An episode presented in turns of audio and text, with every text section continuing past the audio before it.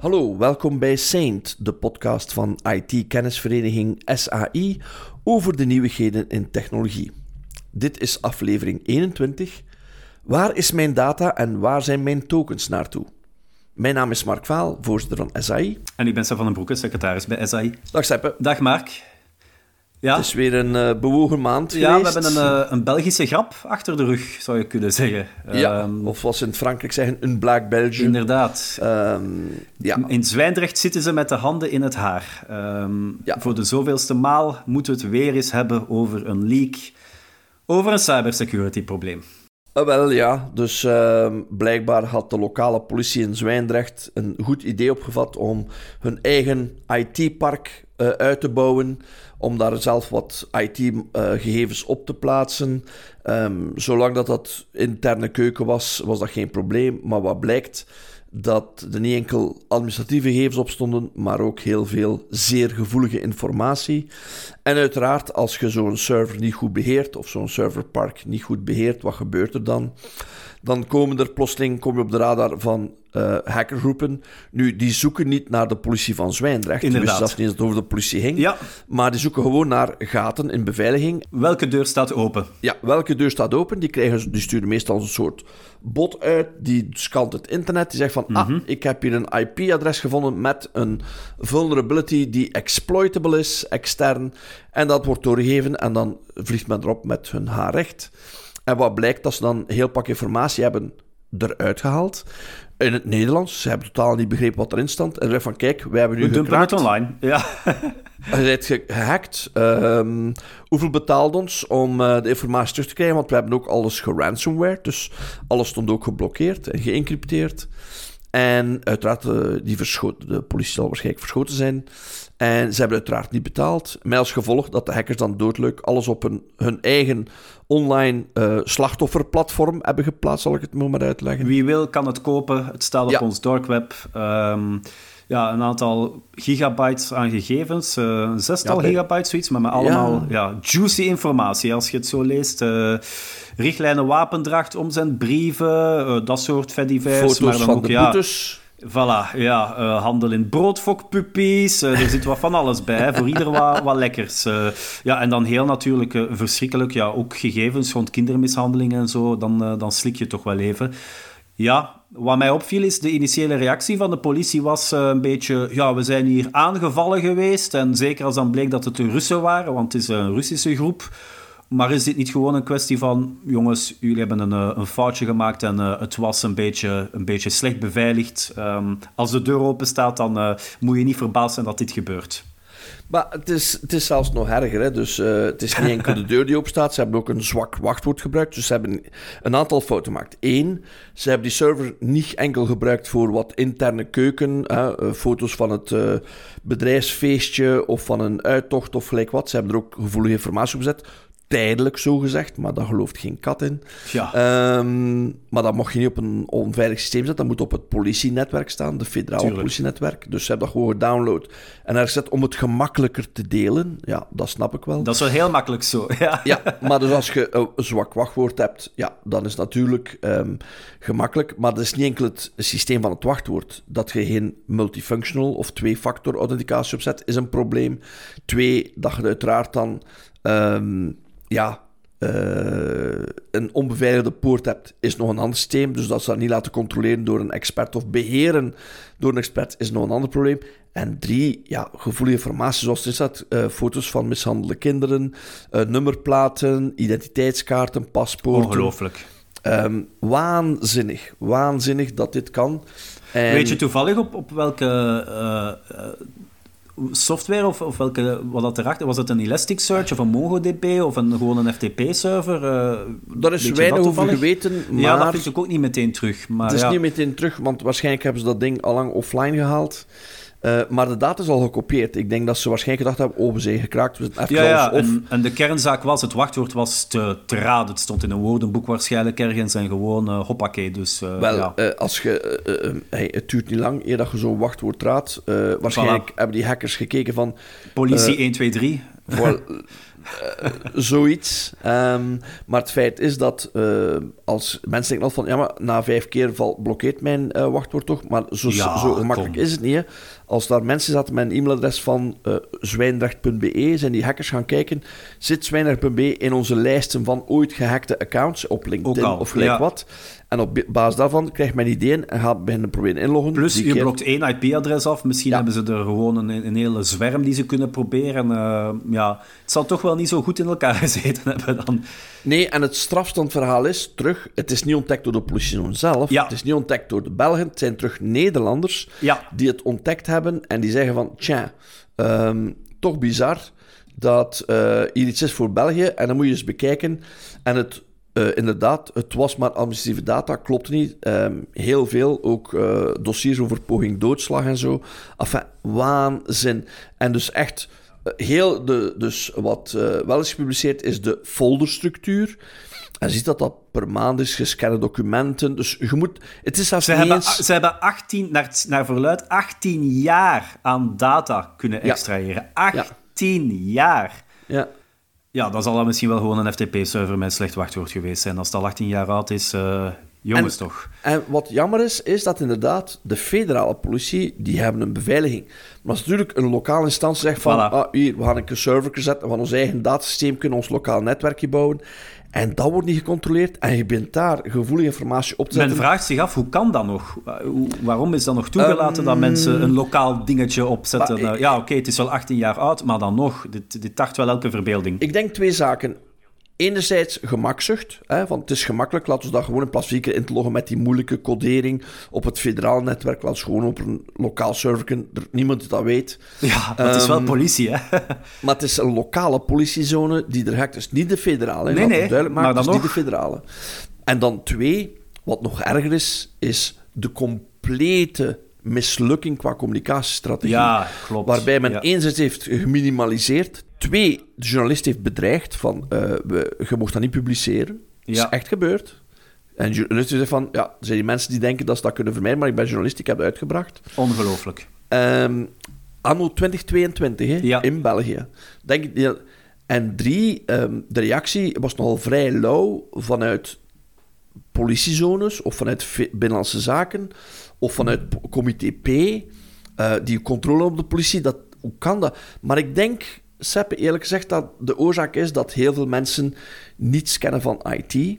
En dus bij gevolg, ja, zich niet willen uitspreken over zoiets, omdat ze gewoon geen kennis van zaken hebben over IT. En denken van, het zal wel overwaaien. Ja, en natuurlijk, als je zoiets voor hebt, ik kan wel ergens erin komen dat de eerste reactie is met uw achterpoten in het zand gaan staan en proberen alles. eh, maar ja, dat werkt natuurlijk niet. Hè. Eenmaal dat de geest uit de fles is, zo'n datalek. Je weet gewoon dat je dan nooit, nooit meer onderdrukt of geminimaliseerd krijgt. Iets van zo'n Ja. grootorde. Ja, En pas op, communicatie ramp tot en met, hè. En pas op, het is één van de 185 zones, hè. Mhm. dus er kunnen er nog dacht ik ook. 184 Ja, die staan te zijn wachten.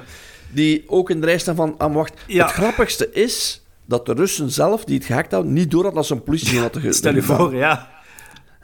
Want het Dus- klinkt wel heel fijn om nu te zeggen, ook eh, vanuit de regering. Ja, maar eh, zie je, zelfs wij, België, zijn onder aanval of eh, onder cyberattack door de Russen. Nee, hè, dit zijn gewoon een bende scriptkiddies die elke dag heel de, de, het internet, heel de IPv4-space afgaan op zoek naar makkelijke doelwitten. Hou jezelf niet voor de gek, hè. kom. Ja. En dus het wachtwoord was, u weet wat het wachtwoord was? De politie, uw vriend 2022, uitroepteken. Ah, nog beter. Ah ja. En dat is het equivalent, zoals Ah. Pieter Jan van Leemput zegt, het is het equivalent van de deur van uw wapenkamer met een natte veter dichtbinden. Ja. Dus dat is een beetje hetzelfde. Maar inderdaad, voor gevoelige data op die schaal, zonder multifactor, is waanzin. Ehm, en dus eigenlijk, als we dan afkomen van de overheid... Nu, ik snap het wel, hè. veel mensen zeggen, ja, maar de overheid... Ja. Maar het is gewoon een lokale zone waar Tuurlijk, men tuurlijk. beslissingen genomen uit ja, gemakzucht. Is geen beter woord voor, gemakzucht. En zonder controle van veiligheid, zonder te investeren. Ehm, er is een quote die ik altijd gebruik in mijn presentaties. Als je meer investeert in je koffie dan je veiligheid, dan gaat gehackt worden. Nog erger, je verdient om gehackt te worden. En dat is hier een mooie illustratie van een voorbeeld van eh, een organisatie, lokaal weliswaar, niet federaal, die ja, meer investeren in koffie voor de politie dan in, veiligheid. En dan hebben ze het vlaggen natuurlijk. Hè. Ja, en de fout is rap gemaakt. Hè. Het systeem bestaat al 18 jaar, nooit problemen gehad. Je denkt, ja, wie gaat daar naar kijken? Wie is daar naar op zoek? Zo'n kleine politiezone zoals wij. Kom, maar het gebeurt. Hè. Het is geen kwestie van doelbewust op zoek gaan. Het is gewoon een kwestie. Alles ligt open en bloot op het internet. Hè. Het is een makkie geworden voor die jongens. Dus... Uh, en, waarschijnlijk zal het wachtwoord uh, de politie uw vriend 2021, 2023, 2020 geweest zijn. Dus ook dat is weer zoiets van mensen, alstublieft. Um, nee, ja, dat is, elke verbeelding. Het is, uh, uh, ik hoor ze nu al in Frankrijk zeggen, ah, une autre blague Belge. En ze hebben gelijk ook. Maar en in Nederland ook trouwens. We moeten opletten. Ik denk dat we voorzichtig moeten zijn. Het is niet de politie, het is een lokale zone. Twee, Absoluut. Um, er zijn wel heel veel diensten die het wel goed doen, maar het is ja, verschrikkelijk. Dus ik vind het ongelooflijk erg uh, dat dit kan en dat we dan, uh, ja, dat, dan, uh, dat dan overheden komen van, ja, maar ja, je moet je biometrische gegevens geven mm voor je paspoorten en dergelijke meer. En dan krijg je een zoon die gewoon dat kopieert op een onveilig systeem, laten we het een kat en kat noemen. Ja, zo ehm, hoeft het ook niet natuurlijk. Hè? Is, is, ja, eh, het is erg. Ik vind het ook erg voor alle inspanningen die gebeurd zijn de laatste tien jaar, laten we dat eerlijk zijn, naar bewustzijn, naar controle, naar steun. Mm Zelfs de Vlaamse overheid ondersteunt van kijk, kunt u laten controleren met korting en dergelijke meer. Ook ja. Nee, allemaal langs de neus gepasseerd. Waarom? Pwah, gemakzucht. Gemakzucht. Er is geen beter woord voor. En iemand die waarschijnlijk wel denkt van... Ja, maar de Jos beheert dat, zal wel in orde zijn. En, ja, de Jos die gaat toch slecht slapen nu, denk ik. Uh... Ik, denk het wel, ja. En als je dan ziet dat inderdaad... Um, heel al iedereen die met een auto ooit gepasseerd is in Zwijndrecht en omstreken en door zo'n ANPR-camera geflitst is, ja, iemand zei al van, um, ja, je moet al bij spreken uw nummerplaat gaan omruilen voor een andere nummerplaat, want ze gaan die gaan beginnen misbruiken voor fake Tuurlijk, nu gaan ze beginnen die mensen aan te spreken, te contacteren, die gegevens ah ja, beginnen... Want dat was ook de kwestie, de gegevens waren gestolen en iemand stelde de vraag, ja, maar ja, als je al naar de GDPR kijkt, en oké, het zijn juridische gegevens, maar zelfs dan nog, eigenlijk ben je wel verplicht om die inwoners op de hoogte te brengen van het feit dat hun gegevens zijn, uh, zijn gestolen. Dat was in het begin dan ook zo'n beetje tegenwind, van, oh, maar ja, maar nee, nee, nee. Maar uh, die mensen zitten wel met een probleem nu, uh, als je in die databank zit. Ja, en, en, het grappigste is, in een van de mappen die ze hebben geconsulteerd, zat er de informatie in om in het kamersysteem van Zwijndrecht in te loggen. Denk aan alle mogelijkheden tot blackmail bijvoorbeeld. Als daar iets juicy in zit van een uh, bepaald persoon, maar die heeft zijn straf uitgezeten. Hè, stel, die is, uh, maar ze gaan die nu contacteren van ah, we hebben wel leuke foto's gevonden in die dataset. Begin maar. Hè. Ja. Uh, goh, kan, ja, het is, het is ongelooflijk. Dus het is, um, ik vind het super jammer, want het, het, eigenlijk is het geen goed nieuws. Um, als je ziet van dat nog altijd anno 2022 uh, organisaties, laten we ze noemen wat het is, denken dat ze ermee wegraken met wat basic uh, zaken te installeren uh, en te koppelen aan internet. Ja, dan heb je prijzen. Als dat niet wordt beheerd, is dat jammer. Ik vind het... Vind het super jammer. Maar bon, het is Zet het desnoods achter een VPN of weet ik veel, maar er zijn zoveel kleine zaken die je al kan doen. Maar dit, dit is echt ja, Security 101 volledig op, elke vlak, op alle vlakken de mist ingegaan. En ik ben ervan overtuigd, Seppe, dat ze dat waarschijnlijk een paar jaren geleden hebben opgericht in goede bedoelingen, voor wat lokale dingen. Maar... We beginnen en we hebben iets nodig dat we kunnen delen en wat zaken opzetten. En ook, ja, voilà. Ja. En ondertussen zal er heel waarschijnlijk ook wel al een alternatief systeem geweest zijn, zoals dat je zegt. Waarschijnlijk zelfs aangestuurd op federaal niveau. En uh, weet ik veel, hè, een SharePoint of whatever, iets dat wel beveiligd is, maar waarbij dat men dan zal gedacht hebben, ja, maar ja, al die stappen, die two-factor authentication, dit en dat. We hebben hier ons eigen systeem, dat werkt goed. En zo blijven die dingen bestaan natuurlijk. Totdat het misgaat. Totdat het misgaat. En het is gelukkig maar één zone. Ik denk dat de anderen... Uh, oh, die zijn aan het zweten nu. Die gaan zweten van, oh, oké, rap, uh, even kijken. Een checksje doen, ja, dat denk ik ook. ik denk het ook. Uh, want... En inderdaad, het is ook een les. Eenmaal dat de, hackers de data hacks filtreerd hebben, is te laat. Hè? Ja. Die gaan nooit meer, dat krijg je nooit meer van internet. Die data krijg je nooit meer gewist of krijg je nooit meer weg. En dat is ook zoiets van, dat is uh, proberen blokkeren. Uh, het wordt zodanig veel gerepliceerd en ik durf er niet aan denken. Het is enorm moeilijk. Hoeveel Um, andere criminelen die data gaan gebruiken om dan mensen te benaderen met valse voilà. boetes. Uh, van gezet een foto getrokken, het is zeer gemakkelijk. Ja. in de buurt van Zwijndrecht en dat de mensen dat gewoon gaan betalen. Dus ik, ik ja, het is, het is erg. Het is heel erg. Ja, nog werk aan de winkel. Um, maar ja, het kan nog erger. Um, Ja. Je zou ook een heel pak geld kunnen kwijt geweest zijn. Want eh, er is nog iemand die, eh, die in termen van corruptie, zeg maar, of in termen van spectaculaire zaken, nog een stapje verder is gegaan de afgelopen weken. Wel, eh, ze spreken zelfs al erger dan eh, eh, de, het grootste, eh eh, moest ik zeggen, bankroet in de geschiedenis. Groter dan, eh, ja, eh Bernie Groter Madoff. dan de Lehman Brothers, groter Ja. dan, eh, ja, zelfs groter dan Mt. Gox. Hè? Dat, was, Ja. dat was zo'n beetje het vorige grote collapse in de crypto-space, want daar gaan we nu naartoe. Ja, we praten over onze vriend Sam Bankman-Fried. Of ze Ehm, hem noemen in het Engels, Sam Bankman-Fried. Fraud. Ja, Fried. ja. SBF voor de vrienden. Ja. Ehm, het is iemand, eh, jong talent, technisch. ehm, eh, een paar jaar geleden begonnen met een platform, hè, ehm, Alameda. Maar dat was, ja, dat was maar wat dingen. En dat kwam met het idee van, ik ga een andere platform oprichten, FTX. Ehm, opgericht met eh, hoofdkantoor in de Bahama's. Dat zegt al veel, maar oké, zo zijn er ja, nog. Oké, eh, eh, origineel was het Hongkong, maar dan verhuisd naar Bahama's in Mhm. september vorig jaar. Eh, waarom? Omdat de Bahama's een zeer favorabele Uiteraard. wetgeving heeft naar cryptocurrency. Mhm. En dus FTX was het platform om uw cryptocurrency te gaan verhandelen. En eigenlijk is dat een business ezeltjestrekje. Dat wil zeggen, iedere keer als je uw cryptocurrency verhandelt op dat platform, betaalt u een kleine commissie aan FTX. Prachtig. Wel, dat was, er waren eigenlijk twee grote. Nu is er nog maar eentje. eh, FTX en Binance. Eh, er zijn er nog. Zijn er heel- Maar ja, eh, hier in Europa zijn er ook een aantal exchanges, maar die zijn wel, of sommige toch sterk gereguleerd. Maar natuurlijk, ja, als je niet gere- gereguleerd bent, dan kun je je klanten veel meer juicy eh, interest rates en, Ja. en beloningen en zo aanbieden. Maar wat deden zij? Ja, hun, hun boekhouding was volledig in orde. Ehm, want zij hadden collateral, dus op eh, alle schulden die zij hadden, hadden zij assets tegenover staan. Er was alleen één klein probleempje. Een groot deel van die assets bestond uit een, een munt, een valuta, de FTX-token. Ja, Mark, ehm, als je zelf aan de printmachine zit voor geld dat je zelf je markttokens noemt en je gaat dat beginnen bijprinten om schulden aan te gaan, Ja. Ja, En we, dan spreken, natuurlijk... en we spreken niet over een paar duizend euro of En we dollars. spreken niet over een paar duizend euro, miljarden. miljarden dollars. Ja, ja, De printer is, eh, stond gloeiend heet daar. eh. ja, en een deel werd dan inderdaad in zijn research-tak eh, gestoken ook. En, en zo wat wit gewassen of en dergelijke meer.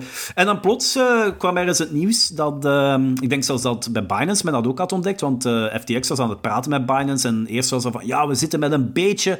Een Liquiditeitsproblemen cashprobleem. was dat, hè? Van, ja, we hebben De het geld wel staan, voilà, maar ja, niet alles is even liquide. Dus stel dat er nu een bankrun komt, dat mensen massaal hun geld willen, dan gaat het voor ons lastig zijn om dat meteen uit te betalen. En ja, we weten allemaal, als dat gebeurt, dan is het trap gedaan. Binance zei, oké, eh CZ van Binance, we willen jou daar wel bij helpen, we gaan daar eens naar kijken.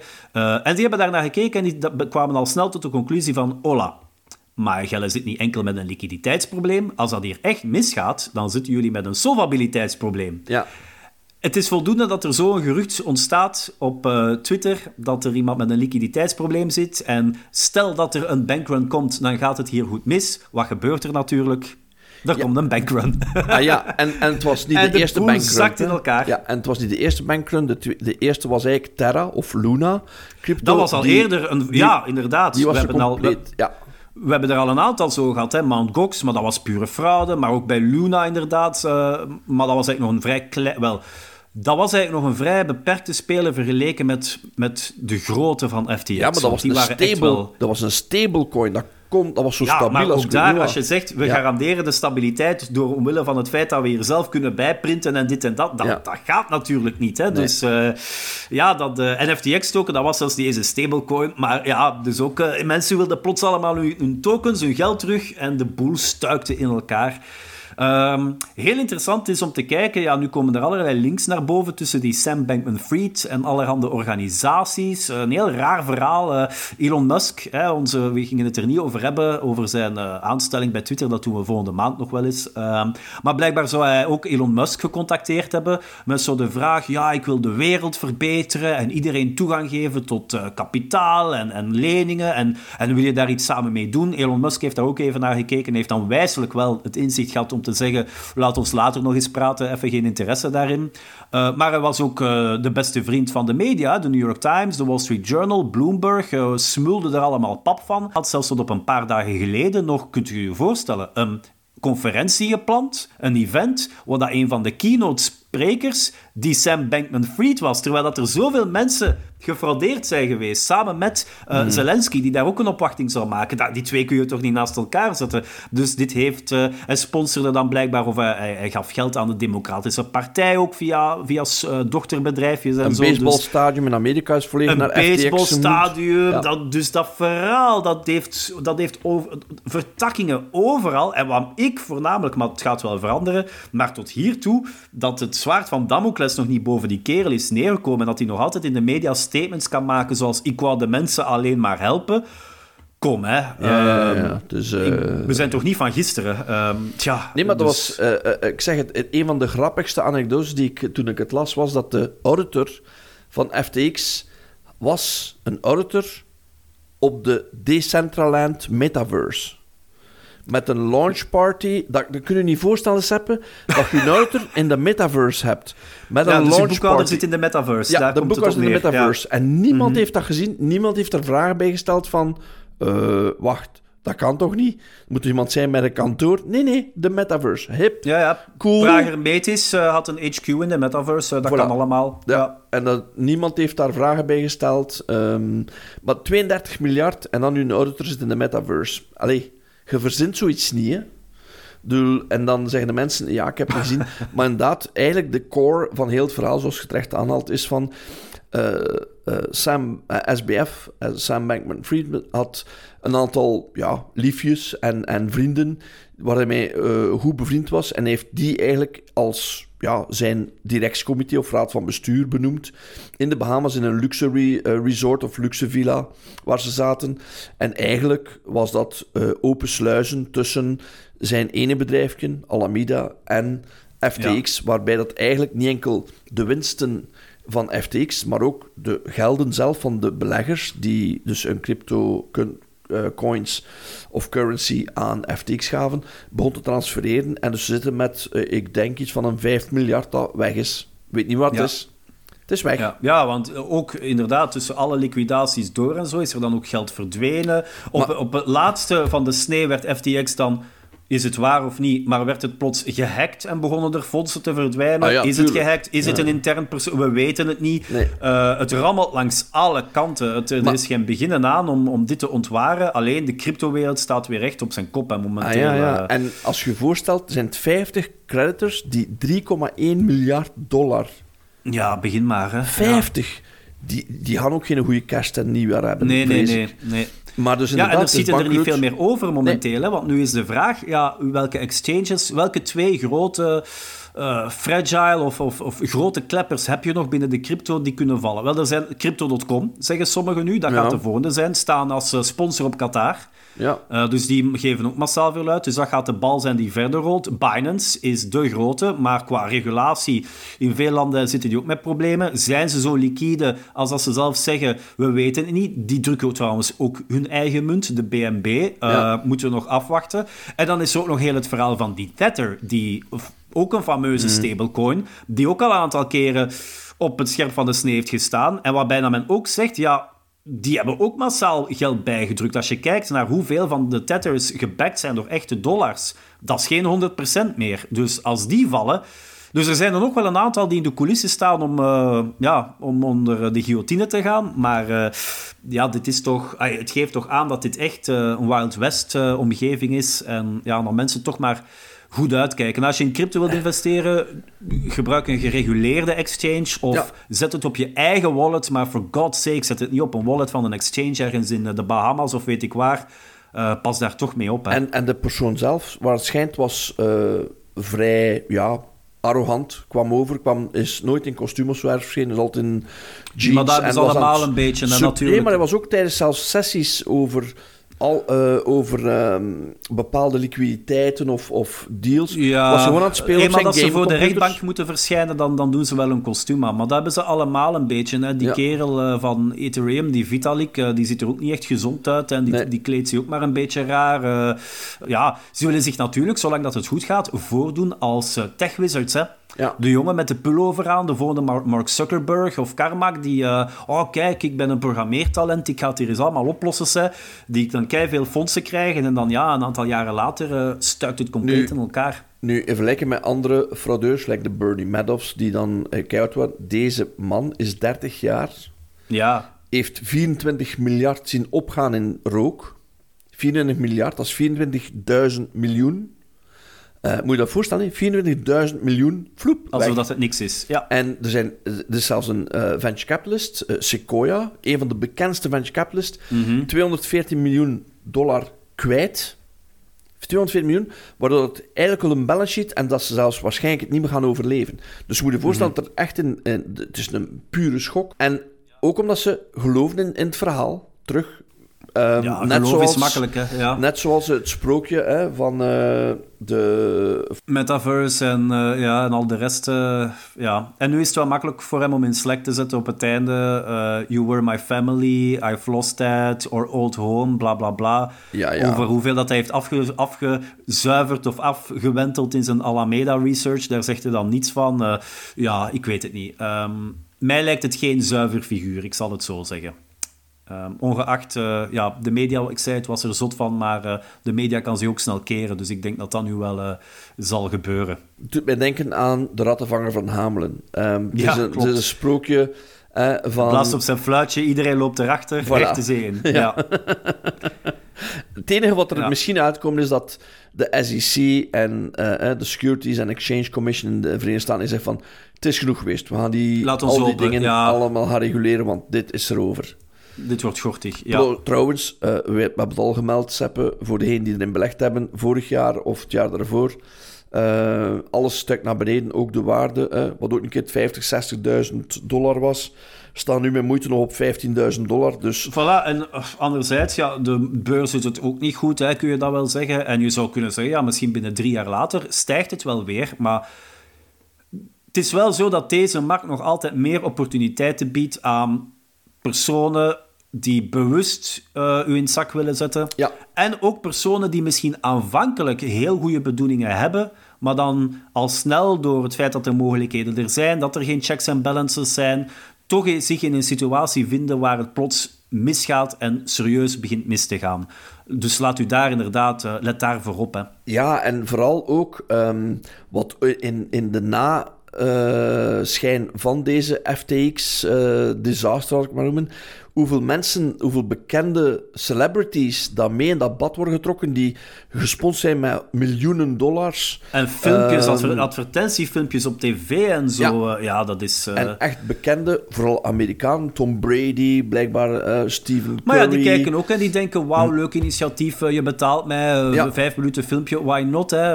Is het hun taak om allemaal dat te gaan controleren? Naomi. Naomi Osaka, tennisspeelster, ja. is erbij. Uh, ja, die, gaan, die worden nu ook allemaal zeggen van, ja, maar je hebt dat gesponsord of je hebt daar reclame voor gemaakt. Maar die kunnen zeggen, ja, maar dat wist ik niet, hè. Of, ja. ja. Maar die gaan dus uh, op zijn minst al dat bedrag moeten terugbetalen, maar die moeten zich toch doodschamen dat ze zich voor zoiets... Maar ja, het was, ik zeg het, het, het was te mooi om waar te zijn. Um, en zeker met de overweldigende reclamemachine van, hè, we, we, we hebben de Miami Heat, basketbalteams, soms de Arena. Ja, um, ja allemaal weg. Uh, het schijnt dat Logos al weg zijn. Zelfs de New York Times was er fan van. Hè? Ze hadden hem uitgenodigd voor een Formule praatje 1, en zo. Formule dus, 1 teams stonden ja, FTX-reclame. Niemand zag het aankomen totdat nee. het te laat was. En, uh, ja, ja. Dus dat is toch wel... Uh, ja, dat is toch een uh, kleine ramp voor degenen die daarbij betrokken zijn. qua... Absoluut. Ja, Shaquille O'Neal. Enfin, je, je, mensen allemaal verleid door uh, een mooi prater die, ik zeg het, de, ja, de rattenvanger van Hamelen. Uh, ik kan er geen beter woord of analogie en voor maken. behoed u, want de, de nieuwsartikels komen nu ook alweer binnen die zeggen... Ja, maar Sam Bankman-Fried, het was een jongen die gegroomd is geweest als scammer. Hij kon er zelf niet aan doen. Of hij wou filantropisch zijn. Of effective altruism. Vergis u niet, hè. Nee, nee, Ehm, nee. Niet zo beginnen. Ehm, laat de rechtbank maar beslissen... eh, voordat we zelf dat doen, of de publieke opinie, maar is dit altijd- zaakje stonk gewoon. Hè? Het is, ja. het is altijd gemakkelijk om geld van iemand anders uit te geven, natuurlijk. Hè. Dat is, eh, Voilà, en dan te zeggen dat het voor goede, goede bedoelingen is. Dus Ja, ja, ja. Over goede bedoelingen gesproken. Ehm, Microsoft heeft het na twee jaar tot de vaststelling moeten komen dat de Duitse overheid niet akkoord is met de manier waarop Microsoft Office 365 eh, als cloud Mhm. dienst gebruikt wordt. Eh sloeg een beetje in als een bom. Is hier niet zoveel aan bod gekomen in Helaas België, niet, nee. omdat het vooral in Duitsland nogal insloeg als een bom, waarbij dat eigenlijk, eh, ja, na twee jaar onderhandelen, moet je voorstellen, Seppe, twee jaar onderhandelen tussen Heen en weer Microsoft, tussen de Microsoft en eh ja, de Duits eh, ja, DSK. DSK, dus de dataschutz, en, en ook Aufsichtsbehörden des Bundes und der Länder. Amai, een Scrabble-woord om u tegen te zeggen, maar DSK dus. Ja, en dus waar ze tot de vaststelling komen dat eigenlijk Microsoft in essentie niet kan gebruikt worden door Duitse overheden. 365, hè, weliswaar. Ja, moeten we er wel bij zeggen. ja. Microsoft Office 365 is niet compliant met wat de Duitse overheid verwacht van een service provider. En eh, ja, men heeft daar heel veel gesprekken over gedaan, twee jaar onderhandeld, en de conclusie is: nee, het lukt niet, mag niet gebruikt worden. En het doet mij denken, Seppe, aan het verhaal waarbij dat eh, ook de Vlaamse overheid eh, een gelijkaardig eh, verhaal heeft gedaan voor eh, Amazon en, en Google en Microsoft. Cloud providers, Cloud ja. providers, waar ze zeggen van ja, eigenlijk is dat niet in orde.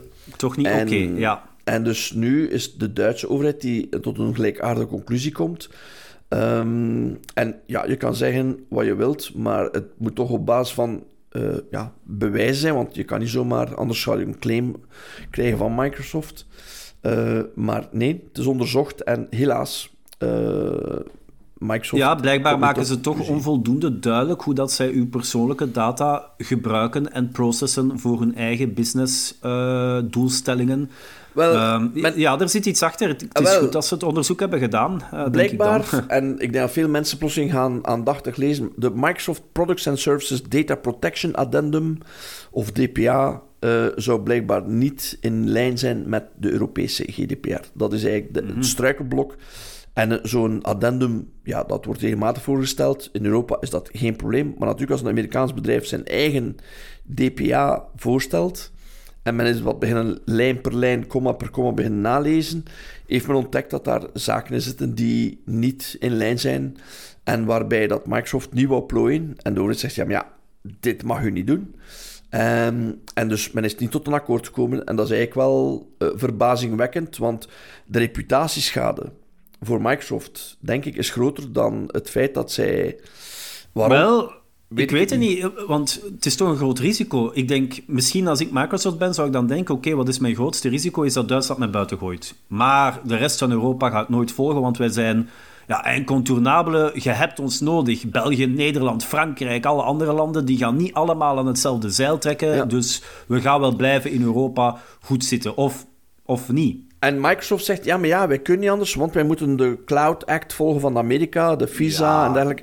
Maar ja, dat in Europa zegt, ja, dat is leuk, maar sorry, jij moet, als jij wilt dat wij uw service gebruiken in de cloud, moet jij onze regels volgen. Start dan een entiteit in. Europa en zet het daarop. En zeg, eh, kom, dat kan, eh, dat kan toch de reden niet zijn. Ja, eh, maar dan merk je dan heel duidelijk dat daar toch wel een, ja, helaas, een beetje toch een machtsverhouding is, Amerika-Europa. En dat je toch wel merkt dat eh, Amerikaanse bedrijven toch wel meer Wel, naar Europa die... is de vraag, wat denk je, gaat dit opgetild worden naar het Europese niveau? Uh, waarschijnlijk wel, ja. Dus dit zal... Uh... Denk je dat heel Europa nu gaat zeggen van... Of wakker gaat schieten en daar een collectief Ik, naar gaat kijken? Wel, of, je weet dat Schrems heeft toch gezorgd dat de, de regel tussen... De data-uitwisseling tussen Europa en Amerika... Ja, dat is ook niet de minste. Vervallen is geweest. Men is ook nu naar een oplossing. Elk voorstel dat men doet, wordt iedere keer afgeknald of wordt getoetst van... Gaat mm. dit lukken?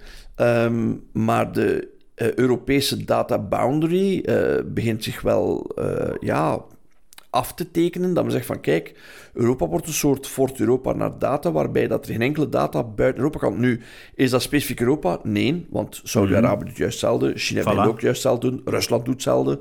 Dus je krijgt eigenlijk niet meer een vrij internet, maar een internet van continenten of van regio's die zeggen onze data van onze ingezetenen mag niet buiten onze regio vertrekken. Uh, en zeker niet naar Amerika. En... Ja, dan, dan, trek je de lijn al wat verder natuurlijk dan Microsoft. Maar, ja. Uh, ja. maar dus het is, ik denk dat um, zeker in, in het conflict tussen uh, Europa en vooral in Amerika, uh, blijft bestaan. Hè. Je ziet ook dat Amerika zegt van ja, maar ja, Huawei, we vertrouwen dat niet, dus dat mag niet meer verkocht worden in Europa, in Amerika. Mm. Ja, dat is een beetje hetzelfde verhaal. Hè, van, tja, uh, wat is daar dan? Ah ja, maar ja, Huawei, dat valt onder Chinees recht. De Chinese overheid kan ten allen tijde toegang krijgen tot de data op de servers van Huawei. Dus we kunnen dat niet riskeren.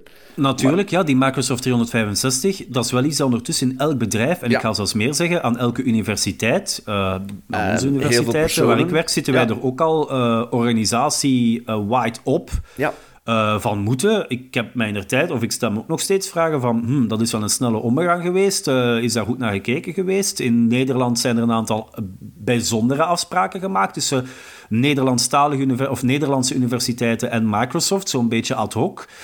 Dus ja, um, als dit echt een staartje krijgt, dan, dan... Ik weet niet wie dat er meer met een probleem zit, hè? Microsoft dan of wij um, als, als organisaties. Uh, dat is een beetje natuurlijk de, de padstelling daar, hè? Ah, wel, het schijnt dat het veel te maken heeft met uh, het feit dat um, ook Microsoft blijkbaar, en ik zeg wel, blijkbaar moet mijn woorden wegen, maar blijkbaar um, wordt er verwacht dat je in Microsoft 365 geen gecodeerde gegevens mocht gebruiken. Of um, je mocht geen uh, gegevens versleutelen. Mm bijvoorbeeld als die gegevens in de browser moeten worden weergegeven, Microsoft laat dat niet toe. En dus bij gevolg is er een discussie tussen, ja, tot waar mag je versleutelen, tot waar niet. Een rare dus discussie. Een rare discussie. Ik zeg het, het laatste is nu van gezegd, ik, ik hoop dat ze zo snel mogelijk dit verhaal uh, op een hoger niveau tillen, zoals je zegt. En twee, dat ze er ook voor zorgen dat er duidelijker komt van op welke basis uh, gaat men doen. Maar het, ik vind het wel straf dat de Duitse overheid zegt van... Mijn mhm. excuses, Microsoft, maar uw DPA is niet in lijn met de GDPR. Dus wij kunnen helaas niet met u een contract aangaan. Ja, ja dit is uh, inderdaad veel te weinig besproken geweest, maar dit zou nog wel eens een bommetje kunnen worden. Ja, ja ik, ik denk het wel. En zeker op Europees niveau, want ja, het, het zal weer iets zijn van, ja, maar ja, uh, we hebben toch een Europese GDPR die voor iedereen hetzelfde is. Als dat klopt, dan zou je verwachten dat elk Europees land moet zeggen: ja, je hebt gelijk, uh, Microsoft ja. Office 365, mijn excuus, maar waren fout, uh, je moet je DPA hervormen. Ja, en, en inderdaad ook uh, online, mensen stellen al de vraag: ja, wat is het verschil tussen, tussen deze uitspraak nu en tussen inderdaad Schrems 2, zoals dat je zegt, en mhm. Privacy Shield verdicts, die we twee jaar geleden al hadden? Reactie: er is geen verschil. Twee jaar geleden was het ook nog niet oké. Wat is er in de tussentijd gebeurd? Heel veel scholen, organisaties, bedrijven hebben het een beetje genegeerd.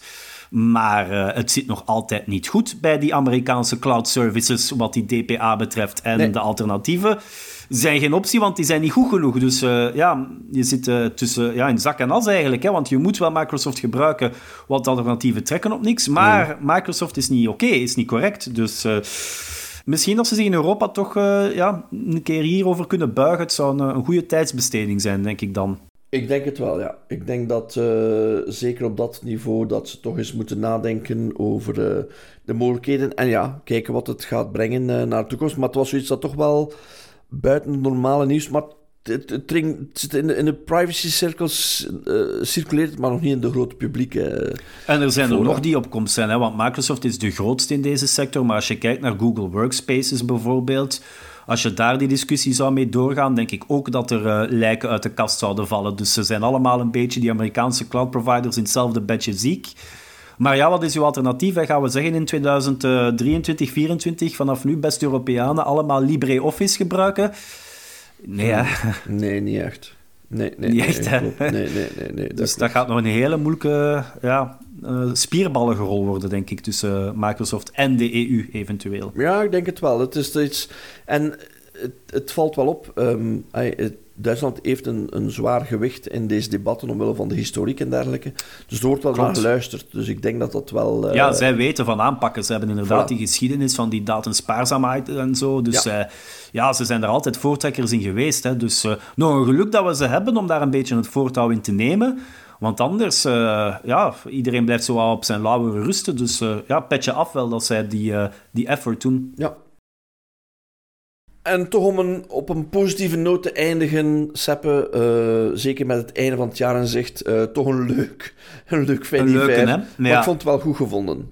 Uh, iemand heeft met AI een kunstwerk gemaakt en die wint toch wel een, een prijs. Het zat eraan te komen, hè? Het was eraan te komen, ja. Het was 300 dollar heeft hij gewonnen, dus ja, ja is oké, hè. Maar ja, het gaat hier over uh, Mid-Journey, waar iedereen ondertussen al van heeft gehoord. Uh, Stable Diffusion. Uh, je kent het verhaal wel. Je typt een tekstprompt in, je krijgt een plaatje, je past dat wat aan, je typt wat meer tekst in. En na verloop van tijd krijg je iets in de stijl van je favoriete kunstenaar, of iets compleet nieuw, of uh, cartoon-stijl, of alles wat je wilt eigenlijk. En die kerel heeft dat toch wel niet ingestuurd, zeker. zijn werk, of ja, zijn, ik weet niet of dat ik zijn mag zeggen, het werk van de AI, maar hij heeft het een naam gegeven. Théâtre d'Opéra Spatial. Uh, die Spatial had misschien al een eh, belletje moeten doen rinkelen. Het is mooi. Het is als een schilderij met een eh, groot licht in het midden. Ik kan het eens opzoeken. De, de persoon heet Jason Allen. Ja, en die wint daar toch wel niet die prijs, zeker. Um, we gaan dat meer en meer krijgen. Ik denk het wel, ja. Ik, ik vind het origineel. Hè? Ik bedoel, als de experten al niet meer het onderscheid kunnen maken tussen iets dat iemand als mens heeft gemaakt of een machine dan uh, denk ik dat we ja, de, de test uh, gepasseerd zijn waarbij dat de machine slimmer wordt dan de mens. Ziet er prachtig uit, gedetailleerd. Ja, de vraag, en ik, uh, ik had het er al langs ook over in een, in een praatje, de vraag die natuurlijk veel mensen hebben is, wat met copyright? Kun je dan zo'n werk, valt dat onder auteursrecht? En langs beide zijden, want iedereen weet natuurlijk dat die magische AI-systemen zoals Stable Diffusion, Midjourney, dat die getraind zijn geweest op zeer veel afbeeldingen van het internet. Mhm. Ja, hoe komt het als je dat ding vraagt, geef mij een landschap in de stijl van Picasso, dat dat ding weet wat je bedoelt, omdat het heel veel schilderijen van Picasso heeft gezien. Ja. Maar wat met plagiaat? En, um, dat is dus een zeer moeilijke vraag. Hè? En wat met uh, het misbruiken voor andere doeleinden. Hè? Uh, wat als je dit kunt, die technologie gaat kunnen gebruiken voor verkeerde informatie te gaan produceren. Dus informatie die eigenlijk nooit bestaan heeft, maar lijkt, het lijkt zo echt dat het wel moet komen van dat bedrijf of van die auteur Ja, en zelfs video wordt ook beter. Dus je kan al... Eh, we kennen de verhalen rond deepfakes en zo. Dus, uh, en GitHub, uh, ook Microsoft trouwens, want die zijn nu eigenaar van GitHub, hebben het ook aan hun benen gehad uh, met Copilot. Dat is die tool waarmee dat je een comment kan intypen in code en die, die genereert dan op eigen houtje de rest van je code. meestal goed, soms met foutjes, maar meestal best wel goed. Maar waarbij dat er mensen hebben gezegd, ja, maar wacht eens even, die code dat dat ding hier genereert, dat is exact een kopie van die code die in mijn repository zit, waar ik auteursrecht over heb, waar een licentie op staat. Mhm. Microsoft ook daar en GitHub hebben gezegd, ja, maar ja, het is opt-out. Als uw repository publiek staat, gaan we ervan uit dat we het mogen gebruiken, maar je kan het altijd uitklikken gevaarlijk spel. Hè. Ze hebben al een rechtszaak aan hun been. Dus uh, je zult maar eens voor hebben als bedrijf of als krant. Hè, dat je zo'n plaatje genereert niets vermoedend. Je typt een prompt in, hè, in de PowerPoint 2025. Komt een mooi plaatje uit. Je denkt, super, dat had ik net nodig. Of uh, op SAI, een achtergrond voor een event. Komt een plaatje uit en dan komt daar een artiest voorbij die zegt... Ja, maar ja, hela, uh, dat plaatje dat lijkt wel heel sterk op mijn werk. Mm Wat dan? Ja. Uh, dan wordt het gevaarlijk. Hè? En ook al die trainingsdata die is gebruikt, is die allemaal free to use voor die doeleinden? Er is nu heel veel werk dat wordt verricht door mensen die daar ook zorgen maken rond hoe kunnen we datasets samenstellen voor zo'n zaken te trainen, waarvan dat we zeker weten dat elke afbeelding en face recognition systemen bijvoorbeeld hebben ook dat probleem nog steeds vandaag. Hoe dat we zeker kunnen zijn dat elke afbeelding die erin zit, dat we de toestemming hebben gekregen van de eigenaar of de persoon in die afbeelding of die de afbeelding heeft gemaakt, dat we het daarvoor mogen gebruiken. Je kunt u natuurlijk inbeelden, uw dataset gaat van ja, miljarden images naar 10.000. En wat zeggen ze dan? Ah ja, maar ja, dan werkt de AI niet zo goed natuurlijk. Dus dit is, dat gaat nog echt een, eh, een moeilijk verhaal worden in de toekomst. Ja, en ik denk, um, grappig was wel, hij zei van, hey, ik heb er wel 80 uur in geïnvesteerd om dat te maken. Ik, ik dat kan zijn, hè? Ja. Ik vraag maar 750 dollar voor mijn werkje. Maar er was iemand die reageerde door te zeggen van, ja, maar wacht, ik ben een echte uh, schilder, uh, olieschilder. En ik heb er 800 uur in gestoken. En, en voor zoiets zegt hij, ik, ik vrees dat veel mensen gaan zijn, ik moet niet meer studeren voor kunst, want ik kan dat gewoon uh, in DALI of in Midjourney of gelijkaardige applicaties Dat is een filosofische discussie natuurlijk. hè? Dat gaan illustratoren bij de krant ook zeggen, hè? of cartoonisten. Ja, als je het nu gewoon door een computer kan laten genereren, de cover van uh, uw magazine, ja, waarom, waarom zou je mij dan nog aanwerven? Dat is natuurlijk het effect op... Uh, maar ja, journalisten kunnen dat ook zeggen, want zo'n GPT-3 vraagt dan om eender wat te schrijven en er rolt wel tekst uit. Dus ja, ja ook dat gaan pertinente vragen worden hè, in de zeer nabije toekomst. Ja, maar zoals altijd, Seppe, heb je daar voor- en tegenstanders van. Mensen die dat vinden fantastisch, van wauw, de evolutie, de, de toekomst. En mensen die dat absolute horror vinden, omdat ze zeggen, ja, ja, en cultuur... Technologie is ook technologie natuurlijk. En het is niet zo dat bij deze tool dat het al zo... Er is wel werk aan. Hè. Die 80 uren dat hij erin heeft gestoken, is om die prompt juist te krijgen, is om verfijningen te maken. Misschien de illustrator van de toekomst, die gaat zo'n tool gebruiken voor een groot groot deel van zijn of haar werk, maar gaat dan toch nog een aantal manuele aanpassingen doen, omdat de mens nog altijd beter inzicht heeft in compositie, kleur, dergelijke zaken. Dus mens en machine kunnen daar wel samenwerken. Ik denk dat we eventueel wel, of uiteindelijk wel naar zoiets zullen evolueren. Maar de rechtskant van de zaak, ja, daar gaan nog heel veel rechters serieus moeten op, uh, op kouwen om eigenlijk te, ja, te kunnen in te zien van ja, hoe zit dit precies hè, en uh, wat gaan we hiermee doen. Dat gaat echt nog een uitdaging worden. Ja, nee, klopt. En, en uh, mensen zeggen ja, dit, dit maakt um, heel de industrie, uiteraard kunst is altijd van de eerste die het doet, is altijd de voorloper en dan maakt het uniek. Ja, dat Alles zijn kopies. Hè. Als je kijkt naar Warhol, heel veel mensen hebben kopies gemaakt van Warhol, maar hij was wel de eerste. Hetzelfde met veel andere kunstenaars. Maar mensen zeggen ja, met dit verhaal kan je eigenlijk perfect iets namaken en ja, Datzelfde maar dat, zeiden de, dat zeiden de monniken met de drukpers ook natuurlijk. Dus, ja. Of, of, of, Sepp, herinner u, toen die Blue Gary Kasparov heeft geklopt, Zoveel de schaak is, is afgelopen. Het is gedaan. Niemand gaat ja. nog schaken, want de computer bent toch altijd. Toen AlphaGo de wereldkampioen Go versloeg, zei men ook, ja, nu is het gedaan met Go. Dus inderdaad, en toch... ik zou er ook niet te pessimistisch in zijn, inderdaad. Ja. Dus ik denk dat, daar best een symbiose in mogelijk is ook. Ik ben het daarmee eens. Maar het is grappig dat een jury van kunstexperten... Dat is waar uh, de beste inzending sturen en dat dat dan blijkt dat dat door een computer is gemaakt, is eigenlijk wel uh, terug weer al een mijlpaal in de geschiedenis van technologie, waarbij dat de digitale kunst weer een extra dimensie... Het was een kleine, maar je kan je voorstellen, als je eenmaal een 3D-printing begint, dat je een kunstwerk in 3D uitprint met de juiste Dat is al wat moeilijker met die AI-tools, maar ja, inderdaad. Ja, eh, maar, als je dat maar we mogen ook niet vergeten, dus die Jason Allen, het was een videogame designer, dus hij had wel al oog voor, de, voor kunst en, en, en artiest. En hij heeft er 80 uur in gestoken, dus moesten wij één uur krijgen, we zouden niet iets kunnen produceren daarmee, waarmee dat we winnen. Uh, je zou hier ook kunnen zeggen dat dit een mooie illustratie is van hoe iemand met al een kunstzinnig oog met dit soort tools hmm. nog betere zaken kan afleveren. Dat zou je ook kunnen zeggen. Dus ja, het is een leuk verhaal. Ehm, misschien dat de andere kunstwerken zo slecht waren, kan ook, hè, dat weten we natuurlijk niet. Uh, maar uh, maar ja, ik stel me wel wat vragen bij de legale kanten van de zaak. is dit uh, copyrightable? Wat met de afbeeldingen die gebruikt zijn in training? Als je ook naar die, dat schilderij bekijkt, ja, het lijkt uit een typisch schilderij uit de renaissance uh, ja, je kan perfect ergens in het Louvre een schilderij vinden dat hier sterk op gaat lijken. En, maar ja, dan zou je ook kunnen zeggen, elke kunst is, is derivatief en zo. Dus dat zijn ja, discussies waar ik mezelf niet te veel aan ga wagen, maar ik weet wel dat ze worden gevoerd. Dus uh, ja, dat krijgt zeker nog een staartje. Ja, ja, dat wel. Maar het is een mooi element, om, vooral omdat, uh, ik zeg het, de kunstcritici die de evaluatie moesten doen, waren eigenlijk overtuigd dat dit het beste werk was.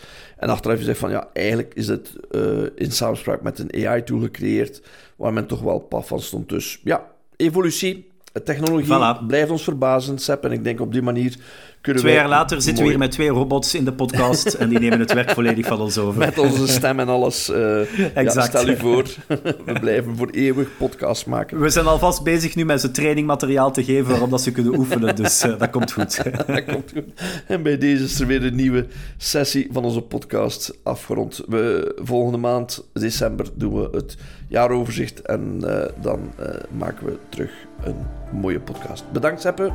Bedankt Mark, tot ziens. Tot ziens.